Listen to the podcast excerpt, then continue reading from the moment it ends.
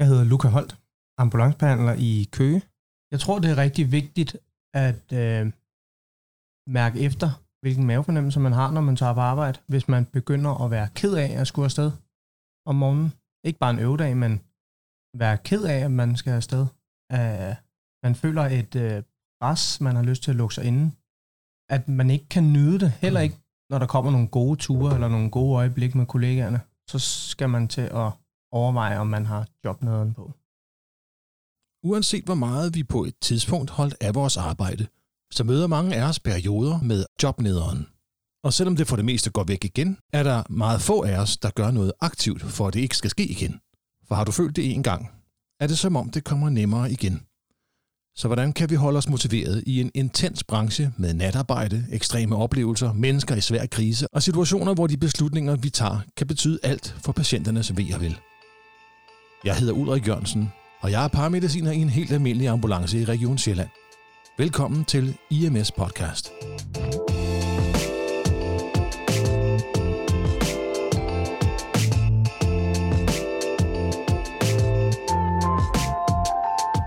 Jobnederen. Det er et emne, der ligger mig meget på sinde. Jeg har set mange kollegaer miste motivationen totalt. Endnu meget engagerede kollegaer, der altid stod forrest og gjorde den ekstra indsats for sine kollegaer og sig selv, og ikke mindst for patienten. Jobbet i ambulancen er, sådan som jeg ser det, et interessejob. Forstået på den måde, at mange af dem, der er i jobbet, og alle dem, der søger ind i branchen, interesserer sig for præhospitalt arbejde og ambulance. Jeg hedder Jon K. Nielsen. Jeg lever som forfatter og foredragsholder. Journalister kalder mig nogle gange trivselsekspert eller ekspert i arbejdsglæde. Man bestemmer ikke selv, hvad de sætter på en. Men jeg har skrevet tre bøger om arbejdsglæde. Det meste arbejde er jo også vidensarbejde. Det kræver rent faktisk nogle kompetencer, nogle problemløsningsevner evner og nogle hurtige beslutninger i situationen. Og, det, og man er ikke bare en robot der. Og så betyder det lige pludselig rigtig meget, om folk trives, om de er engagerede, motiverede, er et sted, hvor de føler tillid. Og det er, i min optik, en forudsætning for, at vi kan blive i jobbet uden at brænde ud. At vi har interessen, og at brænde ud, det er det værste. Ikke at trives i sit job, og fordi det fylder så meget i vores allesammens liv, kan det faktisk have fatale konsekvenser. Man kan den grad dø af sit arbejde. Men altså, så slemt forestiller jeg mig ikke, det er i ambulancetjenesten endnu. Selvom vi helt sikkert er en del af en ret kedelig statistik. 30.000 daglige stresssygemeldinger og omkring 1.400 dødsfald om året, som man relaterer til, til stress. Men også er en ret fed rekord. Verdensrekord i arbejdsglæde, blandt andet på grund af det her fleksible arbejdsmarked, hvor vi, vi forlader simpelthen de dårlige steder. Hvis man gerne vil trives, vi kunne blive store i ordene og sige, at man gerne vil leve et lykkeligt liv, så er man nødt til at hente noget af det på jobbet. I hvert fald hvis man har fuldtidsarbejde, så er det faktisk hovedaktiviteten i ens tilværelse ved siden af at sove. Det er den enkelte ting, man, den ene kategori, man bruger mest tid på. På et lille hotelværelse i Tampa i USA, før corona fik grebet om verden, snakkede jeg ud over Luca også med Rasmus Myrhøj. Jamen, jeg hedder Rasmus Myrhøj, og jeg er paramediciner på Køge. Og Mads Helsted. Jeg hedder Mads Helsted, og jeg er ambulancebehandler og kører station Køge og Storhedinge. Det var i marts i år, og de tre ambulancedrenge havde vundet den første CPR Showdown i historien. CPR Showdown er en konkurrence i hjertestopscenarier, der løber stablen i 2020's tidlige måneder, og hvor præmien var netop en fantastisk tur til den præhospitale konference IMS Today i Tampa i USA. Ja, det er klart noget, vi forsøger at bruge, når vi er på et hjertestopscenarie i virkeligheden. Planlægning og en klar rollefordeling tidligt, det giver bare et overskud og et overblik i scenariet, øh, som man ellers har svært ved at have. Og det er kun noget, du får med træning. Med hensyn til tekniske færdigheder, så klargjorde vores træning os med... Øh, det, det klargjorde en masse problematikker, som der måske egentlig er i øh, HLR-behandling. Også med tekniske færdigheder, så øh, et sted, hvor den tit glider i virkeligheden, det er at holde en stram tidskontrol med de to minutters intervaller. Der brugte vi jo det her stopur. Alt sammen rigtig fedt at tage med sig. Jeg siger en masse om, hvad vi kan gøre for at øge vores arbejdsglæde, men... Det kan ske for alle, at man mister motivationen. Men hvordan man mister motivationen og hvilken grad er forskellig. Jeg var engang til et øh, foredrag, det er i foreningsliv, hvor der blev fortalt, at det kræver en flamme for at blive brændt ud. Jeg synes, et øh, træningsforløb som det her har givet mig sindssygt meget. Øh, min, min glæde for at køre ambulance, træne tingene og læse op. Jeg er blevet mere ivrig, tror jeg, efter at, at lære noget for min egen skyld, tror jeg. Det har givet helt sikkert mig et stort selvtillidsløft at være med i den her konkurrence. Og så man har, altså udfaldet er så godt som det er, og man får en god feedback, og får at vide, at det er godt, dem her har lavet, så giver det et, et, et, et godt selvtillidsløft for mit vedkommende i hvert fald. Og er det ikke en af de ting, vi kan gøre for at holde skruen i vandet i ambulancetjenesten? Altså, blive gode til vores arbejde. Det er super væsentligt, og der er en meget stor motivationsfaktor i at, at være god til sit arbejde. Der er en, uh, en amerikaner, der hedder Edward Deci, der har skrevet en bog om motivation. Why we do what we do. Og hans bud er, at den største kilde til motivation faktisk er vores lyst til at have hænderne op i lommen og skabe et resultat. Det, det er federe at lave noget og bruge sine kompetencer, end at gå rundt med en kop kaffe i hånden. Ved du, hvor meget det betyder at være glad for sit arbejde? Tryk på pause og google det. Der ligger masser af studier på internettet. Tænk måske over det i 10 sekunder.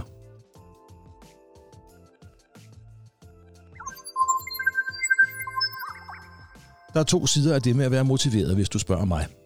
Hvorfor bliver vi motiveret, og hvorfor vi holder op med at være det? Og jeg er egentlig lige så interesseret i at kende dem, der mister motivationen, som dem, der allerede har eller har genfundet den. For hvordan undgår vi at miste motivationen, og hvordan holder vi fast i den, når den er der? Jon har en tro på, at en dårlig situation eller periode kan forbedres. Ansvaret er vores. I sidste ende har du selv et ansvar for, at du går på arbejde, fordi vi vælger selv vores arbejdsplads. Jeg ved godt, vi ofte tænker, at vi går til jobsamtale, så tænker vi, åh, bare de vælger mig. Men du skal også vælge dem. De er et CVR-nummer.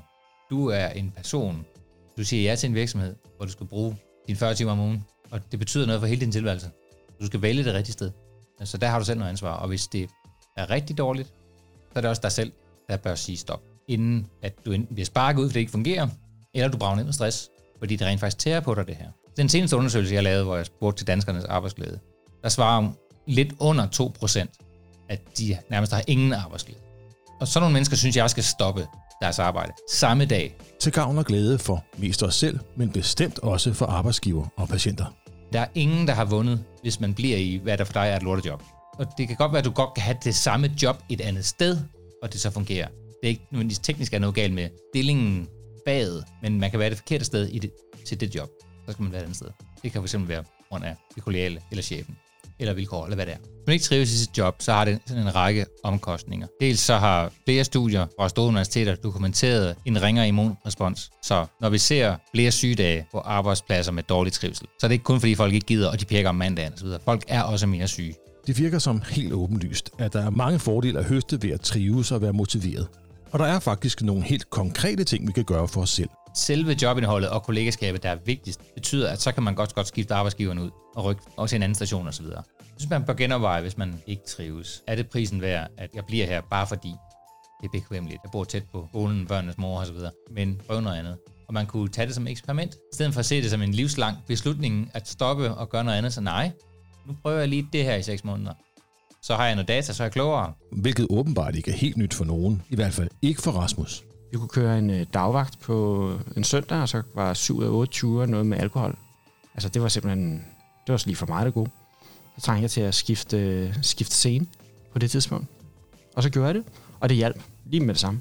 Helt klart. Nogen, der har været i en samme situation længe, hvor er der så kommet nogle forandringer gennem årene, noget har ændret sig, så det er ikke længere det, de skrev sig op til, og de så ikke selv har indstillet sig på, at nu er det noget andet. I stedet for at acceptere det af nogle vilkår, og så stille et helt afgørende spørgsmål, hvordan får vi det her til at fungere? Det er måske lettere sagt end gjort bare at acceptere forandring som en uundgåelig del af ambulancetjenesten. Men man må endelig have det dårligt over, at man synes noget nyt er træls, for at sige det på godt jysk. For det ligger faktisk nærmest genetisk i os, at vi som art, som pattedyr, ikke er så meget for at tage chancer. Det kunne jo være, at hvis jeg gik ind i den skov der, var der noget, der spiste mig. Og det går jo meget godt her. Udover at vi i høj grad selv har ansvaret for vores arbejdsglæde, selvom ansvaret selvfølgelig er lidt delt med dem, vi arbejder for, så er der faktisk flere ting, vi i høj grad kan gøre selv, ud fra at man har selv ansvar for at tage stilling til, hvordan det egentlig går. Og hvis det, det går dårligt, så ikke sidde det overhørt, men også prøve at undersøge mere, være mere nysgerrig på, hvad det drejer sig om.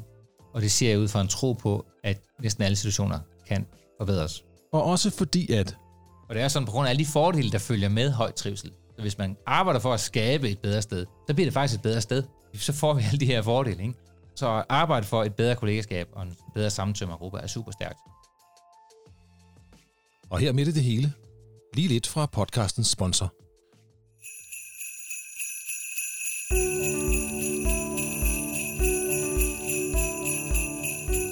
IMS podcast er støttet af Falk Danmark, som ønsker alle redere og deres familier en rigtig glædelig jul og et fantastisk nytår. Særligt dem, der skal passe landets ambulancer på disse to særlige aftener.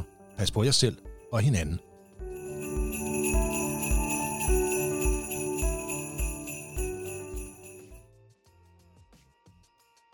Det er i virkeligheden grundlaget, når vi skal holde os motiveret, eller at vi allerede kan mærke, at jobnederen, som Luca kaldte det, nærmer sig. Eller rettere, måske skal vi et lag dybere ned i det med at brænde ud eller miste motivationen, fordi Det kræver en flamme for at blive brændt ud. så hele udgangspunktet for at kunne nå derud er paradoxalt nok, sådan som drengene fra Tampa ser det, positivt. Og det er der, vi skal holde fast og finde måder at vedligeholde os selv på, allerede fra starten. I stedet for at se det som en livslang beslutning at stoppe og gøre noget andet, så nej, nu prøver jeg lige det her i seks måneder. Jeg tror også, at det her med fornyelse, det er vigtigt en gang imellem. Udfordre dig selv lidt. Lad være med at køre det samme sted med de samme kollegaer altid. Der er sådan en kurve, hvor man siger, at efter to år, så begynder sådan arbejdsglæden at, at falde stødt. Og altså, det, det kan jeg egentlig godt relatere til. Det snakkede Jon også lidt om, og helt uden at koordinere sidder Rasmus i USA og mener det samme. Måske er det ikke, fordi vi er børn af en sabberkultur og bare aldrig bliver tilfredse. Måske er det, fordi vi er bevidste om, at forandring fryder. At det er sundt at komme rundt. Fordi det udfordrer mig og dig at se nye mennesker og køre nye ture og løse andre opgaver i ambulancen. Men der er én ting, der overskygger alt andet. For mig er kollegaer alt. Man skal gerne være sammen med mennesker, man, man godt kan lide at være sammen med. Og allerhelst, hvis man glæder sig til at være sammen med dem. Det tror jeg ikke, der er nogen, der er i tvivl om.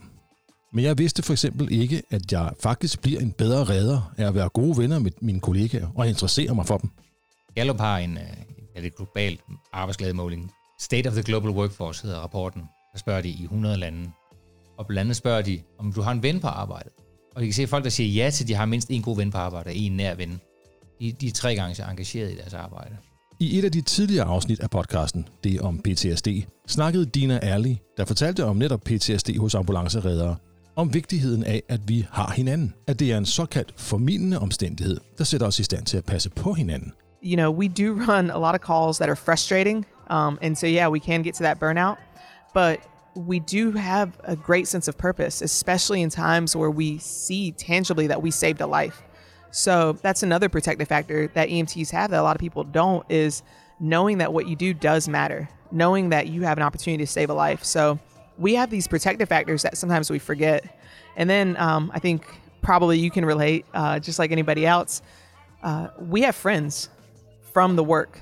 You know, I know, you know, about twice a month, you'll get an invite, that, you know, for everybody go meet and hang out here. And I have this awesome social group of people that I would not have if not for my, um, my work. So EMTs have a lot of protective factors. Så hvis ikke vi har nogen at tale med, Det er bevisligt, at psykologer det er nogle af de mennesker inden for en branche, der er allermest triste. Simpelthen fordi, at de ikke kan snakke med andre folk om det. Og der tror jeg, at vi har en fordel i vores fag, fordi vi er to om en patient hele tiden. Vi øh, sidder rundt om et bord og snakker øh, over aftensmaden med de andre kollegaer inde i opholdsstuen. Vi har hinanden, vi snakker med hinanden, det er i min verden en no-brainer. Og det må være det nemmeste i verden for os selv, og ikke mindst dem, vi arbejder for, at styrke relationerne til hinanden.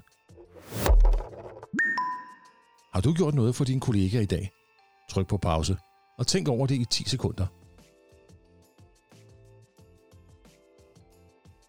Hvis ja, så klap dig selv på skulderen. Hvis nej, så find på noget. Jeg garanterer dig, at din kollega bliver glad og vil fortælle det til sin kone, mand eller kæreste, når han eller hun kommer hjem. Det er kun godt. Bliv god til dit arbejde. Det betyder noget at dygtiggøre sig, ikke bare for patienterne, men også for dig og mig og vores lyst til at arbejde i ambulancen. Og hvad gjorde måneders intens træning for de tre ambulanceredder, der vandt CPR Showdown i starten af året? Altså, hvad betød det for dem at blive rigtig gode til deres arbejde? Jeg synes, et øh, træningsforløb som det her har givet mig sindssygt meget. Øh, min, min glæde for at køre ambulance, træne tingene og læse op. Jeg føler mig meget mere sikker i, hvordan vi gør tingene. Jeg er blevet mere ivrig, tror jeg, efter at, at lære noget for min egen skyld, tror jeg. Når vi så trænede op til det, så trænede vi en masse forskellige scenarier. Det vil sige, at alle de forskellige algoritmer alle de ting, dem trænede vi. Og det gjorde bare, at når du så står i det scenarie, så behøver du ikke at bruge særlig mange kognitive kræfter på. Altså, jeg skulle tænke, hvad skal jeg nu? Fordi du har det på ryggraden. Og igen, så kommer du tilbage til det, det giver bare overskud. Finalecasen derinde, det var for eksempel et, øh, et hjertestop på en gravid. Og lige snart jeg så, at det var en gravid, første tanke var lige, er der måske to patienter her, der kunne fik klargjort, at det er der ikke. Så var jeg fuldstændig sikker på, hvad er den behandling, vi skal til at indlede nu. Og det er jo træning, der gør, at man bare har det på ryggraden, og at man så har overskud til at levere en, øh, en god behandling, både for, for kollegaerne og for pårørende og for alle involverede. Lad os se det i øjnene. Manglende motivation er kommet for at blive, selvom det næsten kan lyde som om, jeg let smider håndklædet i ringen. Men det gør jeg absolut ikke. Jeg er sikker på, at vi kan se det komme på afstand og fange det, inden vi blev ramt. Jeg kørte ambulance på Vesterbro, der Falk havde Vesterbro, og der var jeg øh, behandler inde, og der tror jeg, jeg kom så tæt på udbrændt, som, som jeg nogensinde har været, i hvert fald. Det, der skete for mig, det tror jeg, det var, at du har rigtig travlt. Du har rigtig mange patientkontakter. Jeg tror, en, øh, en rekord, sådan nattevagt nytårsaften, var 16 patienter på 12 timer. Øh, og det var ikke alle, man kørte, eller indbragt til hospitalet, men altså, det er immer væk mange patientkontakter. Og når vi så er trænet til at tænke, hey, hvad er det her worst case først? Det skal jeg lige udelukke, før vi, vi finder ud af, om er det kritisk eller ikke kritisk. Så det er rigtig mange patienter, du skal ind og tro, måske er kritisk syge, og behandle. Øh, så det, det, det er hårdt. Ja, meget ændres, og kommer også til at blive ændret i årene fremover. Så hvis man øh, holder for meget fast der, så gør man det unødigt svært for sig selv. Fordi man placerer noget ansvar hos noget, man ikke selv havde kontrol over, at tingene bliver ændret, at vi gøre tingene på en anden måde. Om det er sådan nye teknologiske hjælpemidler, nye måder at samarbejde på, osv. Nye måder at organiseres på. I stedet for at acceptere det af nogle vilkår, og så stille et helt afgørende spørgsmål, hvordan får vi det her til at fungere? Og fordi det ikke kan siges nok gange, Det kræver en flamme for at blive brændt ud. og fordi vi nu alle sammen tror på, at hvis vi arbejder for, at det bliver bedre, eller forbliver godt, så kan vi også godt få lov til at se os selv i spejlet og erkende, når det rent faktisk går godt. Tegn på, at man trives, er jo generelt en, en lyst til at engagere sig. Det kan ses i bedre samarbejde for eksempel, at man er mere villig til at være der for de andre, give den op med, gøre det lille ekstra. Det bonger ud, både i forhold til samarbejdet, kollegaskabet, men så også rent personligt. Vi har tidligere berørt helbredet. Forhåbentlig har man dage indimellem, hvor man virkelig er glad for, at man tog afsted. Og man kommer løftet hjem, fordi man har været på arbejde. Så bidrager det jobbet med noget til, ens tilværelse også. Så trives man i sit job. For at tage noget med dig ud i ambulancen, så sammenfattede Jon sin viden i tre ting, du kan gøre for at skabe eller bibeholde din motivation. 1. Sørg for, at batterierne er ladt op. Du må ikke nedgøre vores behov for restitution. Tilstrækkeligt med nattesøvn. At man øh, gør ting i sin fritid også, som giver en mere energi i forhold til mindre energi. Danskerne ser tv i gennemsnit over 3 timer om dagen. Studier, jeg har set, fortæller, at øh, folk typisk er lidt, sådan lidt småtriste foran skærmen. De argumenter, du hører, er, ah, men jeg trænger til at slappe af. Men det eneste, der faktisk slapper af, det er, det er, din, det er dine fødder. Gør noget for andre. Helt konkret kan man, øh, jeg har i mange år opfordret folk til at invitere deres kollegaer på dates. Og det er bare en sjov måde at sige på, at øh, det er okay at bruge tid sammen, som ikke er opgaven. Så besøg en anden familie, se en fodboldkamp sammen, lær hinanden at kende. Og der er måske nogen, man kender rigtig godt, nogen man ikke kender så godt. Det skal ikke være dem, du helst vil være sammen med. Dem, du faktisk ikke kender så godt. Invester i at lære dem bedre at kende. Alfred Josefsen, direktør i Irma, en af Danmarks bedste arbejdspladser, han sagde engang, gode venner skaber bedre resultater. Det med at, at arbejde for, at vi har det godt sammen her. Ikke? Og det er helt konkret lavpraktisk. Kan du gøre noget for en kollega i dag? Kan du hjælpe nogen? Kan du lære nogen bedre at kende? Og det kan også være, altså, sådan noget som at tage en kaffepause i telefonen med ikke der er Nå, nu er klokken 10, jeg ringer lige til Per, tager vi kaffepausen i telefonen. Det kunne være et tip til folk, man ikke ser så tit. En tredje ting. Træn dig selv til at fokusere på alt det, der faktisk fungerer. En helt konkret øvelse, som hedder, hvad gik godt i dag? På engelsk er det de tre W'er. What went well? Altså solid psykologisk data fra studier i hele verden, der viser, at hvis vi lige løser den simple opgave og finder tre ting, som gik godt i dag, ting jeg er glad for, ting jeg sætter pris for, og så sætter man ord på, eventuelt skriver dem ned i postokopi eller en app, eller en dagbog. Bare 14 dages træning med det her viser at hæve trivselen i forhold til kontrolgrupper, og effekten kan ses 6 måneder senere også. Der sker det, at vi træner vores hjerne til at holde øje med ting, der fungerer godt. Og så bliver vi bedre til det. Og dengang i Tampa gav Rasmus, Mads og Luca, også baseret på deres fælles erfaringer i ambulancetjenesten, nogle gode råd med. Jeg tror, det er vigtigt, at man en gang imellem skifter scene. Prøver noget nyt. Det, det virker i hvert fald for mig, at øh, have prøvet at skifte station eller vagtform, eller blive ambulancefaglig leder. Øh. Jeg synes, det er vigtigt at inddrage ens øh, kollegaer, ens tætte kollegaer, og ligesom blive udfordret fagligt sammen med ens øh, tætte kollegaer. Det er noget, der motiverer mig, at jeg har øh, nogle kollegaer, der, der kan udfordre mig i, øh, i dagligdagen, og hele tiden holder mig oppe. Mit ydmyge bidrag til den her sag er ganske enkelt. Find en niche, du kan mase ind i. Noget, du kan bidrage med og blive rigtig god til. Nogle går for eksempel op i EKG, andre i farmakologi, mens andre igen brænder for at styrke de sociale relationer kollegaerne imellem. Jeg tror på, det er virkelig vigtigt, at i et interessefag, der er så krævende og intenst som ambulancetjenesten, at have noget at hænge sin hat på. Noget, der holder os kørende og giver os glæde ved jobbet. For er du ligeglad, så Man kan den grad dø af sit arbejde. næste gang kort øh, bevidsthedstab. Ofte så er folk friske igen på en øh, ja, få sekunder eller lige et par minutter egentlig. Kardielle årsager, AMI'er, der kan være arytmier, vasovagale tilfælde, neurologiske øh, årsager, psykiske årsager. Alt, hvad der går ind under apopleksier eller øh, blødninger i, i hovedet på et eller andet måde. Ofte så ser vi jo, at det er den øh, ældre mand, der sidder til øh, noget fest, og der er meget varmt, og han spiser, og så pludselig så, så får han sådan et øh, ildbefindende. Synkope. Når folk falder om, men vågner igen. En af de klager, vi ser oftest.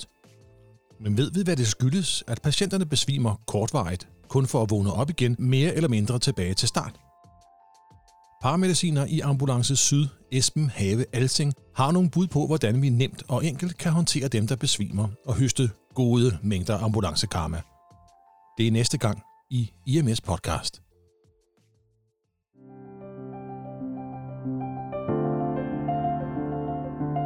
Mange her har forsøgt at ændre en vane på noget som helst tidspunkt. Ja. Mange synes, de er rigtig gode til det. Ekspert og ildsjæl Jon Nielsen.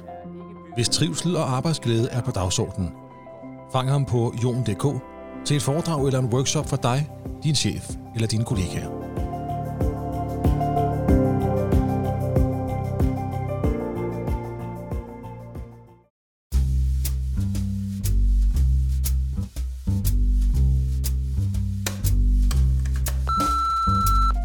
Hej, jeg hedder Nikolaj Axelsen, og jeg er podeassistent hos Ambulance Syd, og jeg ringer fra Haderslev.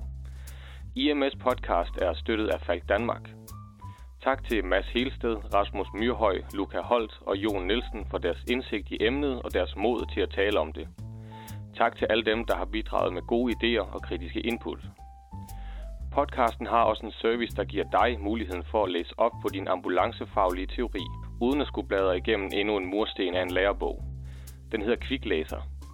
To gange om ugen popper der et emne op, som du kan google og læse på under 10 minutter eller bruge lidt tid på at tænke over. Klik på linket i episodenotaterne og meld dig til. Alle er velkomne til at komme med feedback og idéer, og alle, der skriver, vil få et svar. Gå ind på podcastens Facebook-side eller Instagram-profil og kommenter, eller på podcastens YouTube-kanal og skriv der. Det er meget motiverende at høre fra jer og læse alle de idéer, der kommer fra jer. Som noget nyt kan du også ringe ind til podcasten og dele dine tanker. Intet er forbudt, og alle har noget at sige. Hvis du gerne vil indtale podcastens rulletekster, der høres til slut i alle afsnit, så er det også her, du kan optage dit bidrag. Find teksten, du skal læse på IMS Podcast Lyttemaskine, og ring på 30 96 83 29, hvis du har lyst. Så mens du tænker over, hvad du gerne vil høre mere om, så klap din kollega på skulderen og fortæl hende eller ham, at de gør et godt stykke arbejde, og frem for alt, nyd din næste vagt. Glædelig jul og godt nytår alle sammen. Vi høres ved til februar.